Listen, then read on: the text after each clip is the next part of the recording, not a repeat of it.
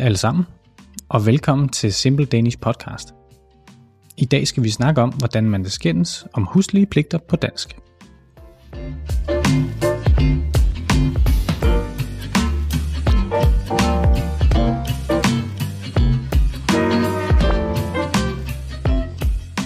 I dag skal vi snakke lidt om, hvordan man skændes på dansk, og særligt, hvordan man kan skændes med sin partner om ting, som foregår i hjemmet.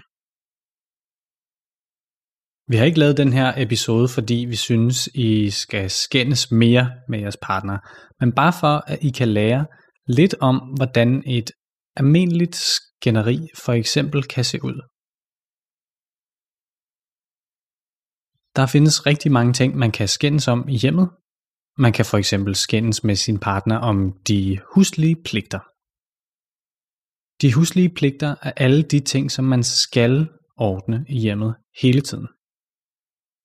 Huslige pligter kan for eksempel være at vaske op og tørre af efter aftensmaden. Og hvis man ikke har en opvaskemaskine, så kan man blive nødt til at vaske sit bestik, altså sine tallerkener, glas, knive og gafler i hånden. Og i så fald skal man finde en person, som vasker bestikket, og en person, som tør bestikket af. Det er der nogle par, som deles om, men det kan også sagtens være, at det er den samme person, som gør begge dele.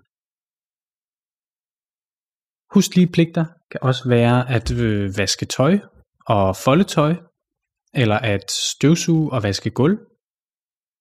Jeg tror til gengæld, at der er mange par, der skændes om de huslige pligter, som er ulækre. Og med ulækre, så mener jeg de pligter, som ingen måske har lyst til at udføre, fordi man måske skal røre ved noget beskidt.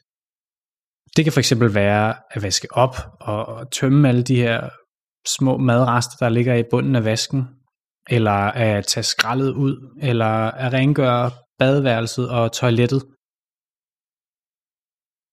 Man kan også skændes om små ting, som ens partner gør, der bare virkelig er irriterende. Det kan være, at din partner efterlader sokker på gulvet i alle husets rum, eller at de ikke er gode til at slå toiletbrættet ned efter, at de har tisset.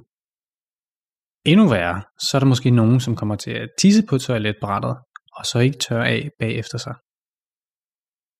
Det kan også være, at man synes, at ens partner efterlader alt for mange lange hår i drænet på badeværelset, og man gerne vil have dem til at fjerne dem efter sig. Jeg har prøvet at skrive en lille dialog som et eksempel på, hvordan et øh, lille, rimelig mildt skænderi kunne lyde på dansk. Det er mig, som taler begge roller, så I må prøve at følge med, eller også så kan I kigge med i podcastens øh, transkribering for at gøre det lidt nemmere for jer selv. Her kommer et eksempel på dialog med skænderi. Skat, har du lyst til at hjælpe mig med at folde tøj? Åh, oh, okay, det skal jeg nok. Der er ingen tvang. Hvis du hellere vil sidde i sofaen, så kan du også det. Jo, jo, jeg skal, jeg skal nok hjælpe. Hvornår satte du øh, egentlig sidst en vask over? Øh, det tror jeg var... Øh, mm, det er altid mig, som sætter vasketøj over. Okay, okay. Slap af. Hvem har tisset på din sukkermad? Jamen, du hjælper jo aldrig til her i huset. Det er altid mig, som skal gøre alting. Det er i hvert fald ikke rigtigt. Det er mig, der laver mad. Det er mig, der går ud med skraldet. Og øh, hvorfor, hvorfor skal vi overhovedet snakke om det her nu? Der er bare så beskidt over det hele i huset hele tiden, og det er som om, det kun er mig, der bliver irriteret over det.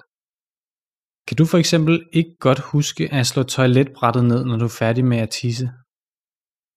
Hvorfor er det mig, der skal slå det ned? Det er fordi, det er dig, der slår det op. Jeg gider ikke at røre ved toiletbrættet, bare fordi du har skulle tisse. Jeg gider da heller ikke at røre ved det. Kan du ikke godt bare slå det ned efter dig, når du er færdig? Okay, okay. Men så skal du også selv fjerne dine hår fra drænet i badet, når du er færdig med at bade. Men de er så ulækkert at røre ved dem. Det er dine hår. Okay så. Men det er altså ulækkert. Det ved jeg da godt. Det er derfor, jeg ikke gider at røre ved det. Okay så. Det var et øh, kort eksempel på, hvordan en useriøs, men nogenlunde realistisk diskussion kunne lyde. Der er et par ting, jeg synes, I skal lægge mærke til, når man diskuterer på dansk. For det første siger man ikke, jeg gør alt hjemme. Man siger, det er mig, som gør alting herhjemme. Derudover så bliver der lagt meget stort tryk på nogle ord. Når jeg siger, det er dine hår, som stopper vasken, eller når jeg siger, det er altid mig, som gør bla bla bla, så bruger jeg tryk til virkelig at få min pointe igennem. En sidste ting, man bruger meget i danske diskussioner, er sarkasme eller ironi. Når jeg for eksempel siger, du kan også bare blive siddende i sofaen, hvis du vil så betyder det jo direkte, at den anden person bare kan blive siddende. Men det er ikke det, jeg mener med sætningen.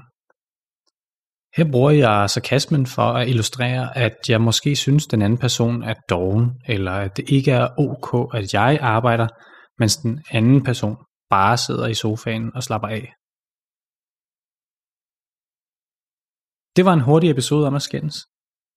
For lige at opsummere, så øh, kan du bruge sarkasme, når du diskuterer på dansk, og du kan lægge tryk på nogle særlige ord for virkelig at understrege, at de er vigtige. Det er dine sokker. Tak fordi I lyttede med. Vi vil gerne give en særlig tak til vores nye patron, Ellie Jenny, som har sluttet sig til flokken her i april. Tusind tak for din støtte, og tak til alle jer, der støtter op om podcasten.